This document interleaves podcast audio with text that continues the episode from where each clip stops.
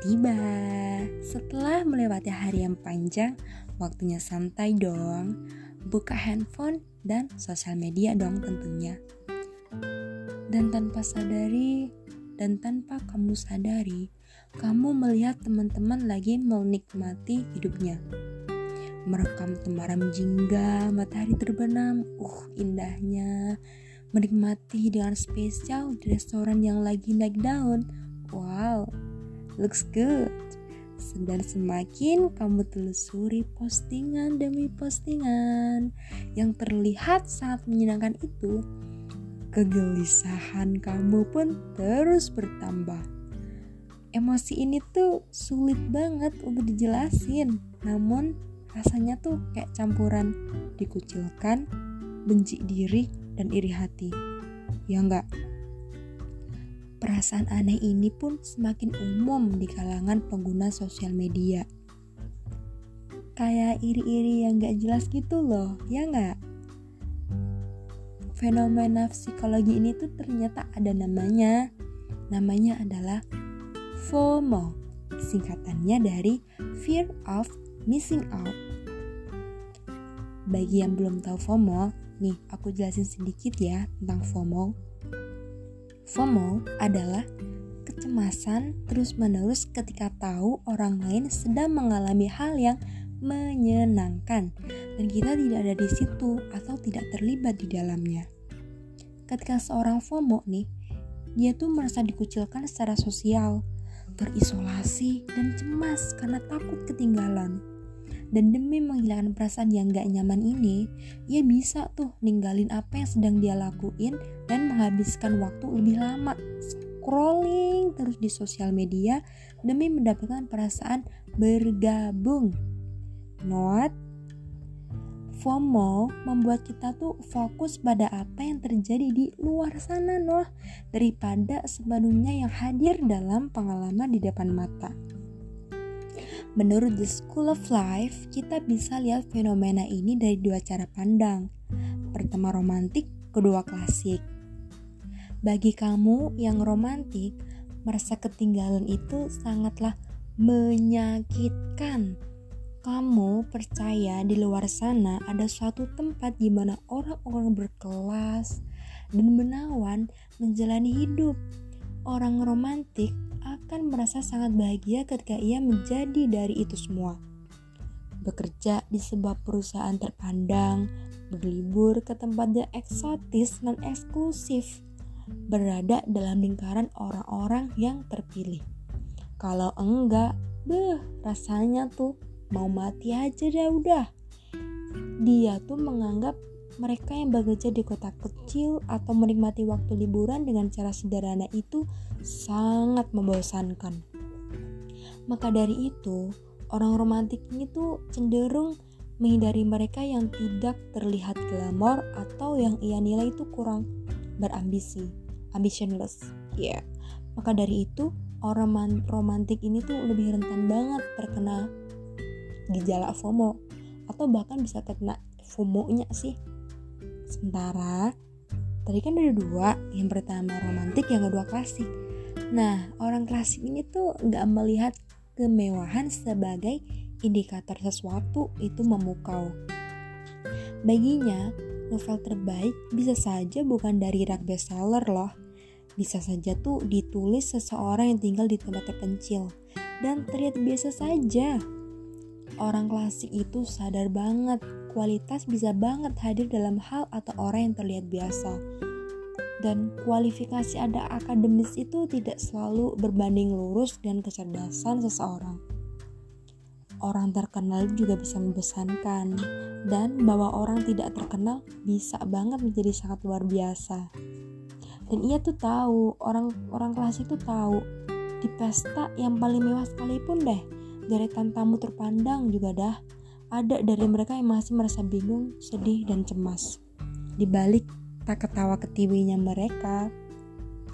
Dan tapi jangan salah, orang klasik tuh juga bisa FOMO, tapi jenisnya lain. Mereka tuh lebih takut kelewatan kesempatan mengenal orang tua mereka. Mungkin lebih takut ketika mereka nggak bisa spend time sama orang tua. Menghargai kekuatan alam dan, dalam menenangkan hati bahwa alam tuh bisa loh buat menenangin hati ya kan? Mendengarkan celotehan lucu seorang anak kecil mengenal diri. They don't want to miss the small pleasures in life. Be, asik gila parah.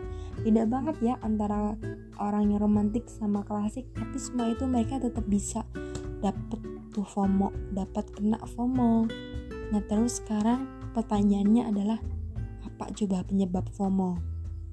Ya mungkin dari kalian sudah pada tahu ya Iya penyebab FOMO yang paling besar adalah yang sekarang kalian pegang Yaitu handphone Handphone tuh memudahkan kita banget loh untuk selalu tahu apa yang terjadi di luar sana.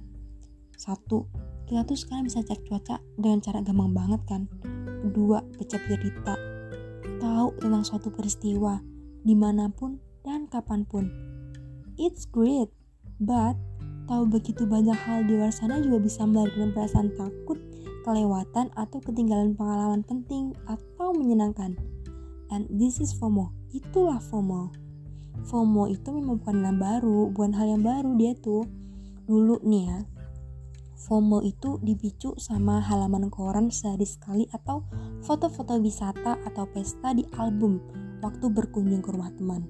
Sekarang, sosial media sudah memudahkan kita untuk melihat apa yang semua teman atau keluarga kita lakukan sepanjang waktu. Orang yang sering menggunakan sosial media paling rentan terkena FOMO Orang yang formal cenderung sering memeriksa feed sosial media teman dan keluarga agar tidak kelewatan apa yang terjadi dalam hidup mereka. Tapi, seorang juga bisa jadi FOMO ketika terus-menerus tergoda notifikasi atau umpan sosial media orang lain yang menunjukkan orang lain melakukan hal luar biasa sepanjang waktu. Penelitian juga menunjukkan loh, FOMO itu rentan terjadi pada mereka yang satu kesepian. Nah, siapa yang nih yang merasa kesepian? Dua, terisolasi.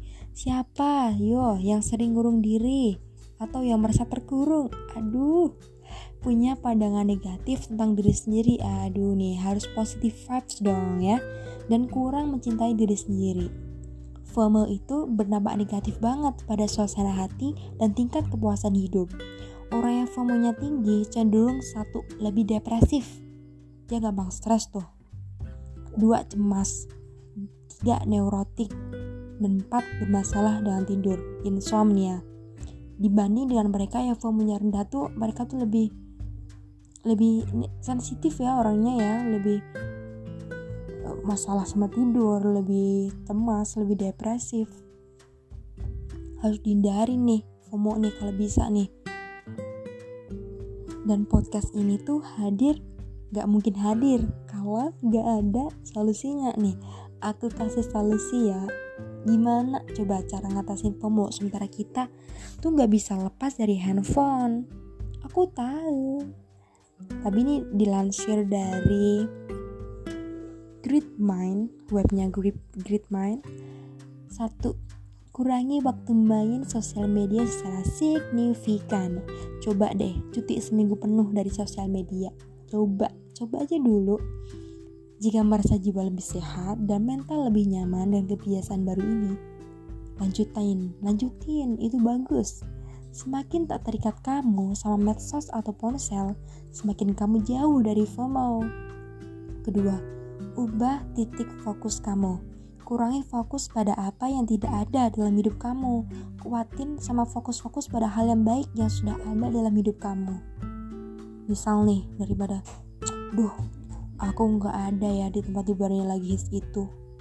Kita tuh ubah, kita harus ubah kayak gitu. Jadi, aku sekarang di rumah, menikmati angin semilir, bersama keluarga tercinta, suara burung berkicau, aku sehat, tubuhku kuat, orang tuaku sehat, semua orang-orang yang aku sayangi sehat. I'm grateful, life is good. Harus gitu. Yang selanjutnya nih, tumbuhkan welas asih sama diri sendiri. Ketika kamu terhubung dengan diri, kamu akan lebih bisa menerima diri, kamu tidak lagi sibuk membandingkan diri dan kehidupan kamu dengan orang lain. Karena membanding-bandingkan itu suatu hal yang menyakitkan. Besti, asik. Interaksi dengan orang lain secara teratur. Bukan di sosial media pertemuan tatap muka secara langsung atau video conference menghadirkan interaksi dan hubungan yang lebih kaya kompleks dan nyata ini tuh mengurangi perasaan kesepian atau terisolasi tadi. Terus nih, ubah pola pikir FOMO menjadi JOMO. Singkatannya, Joy of Missing Out. Menurut Kristen Fuller, JOMO adalah penangkal FOMO yang cerdas karena dengan JOMO kita pada dasarnya hadir dan puas dengan di mana kita berada sekarang dalam hidup atau dalam kata lain Maya kayak mindfulness gitu. Waktu kita tuh kan terbatas ya dalam hidup ini. Ketika jeli, kita bisa kok mencari bahagia dari apa dan siapa yang ada di sekitar kita. So, goodbye FOMO and hello Jomo. Saya Fitri.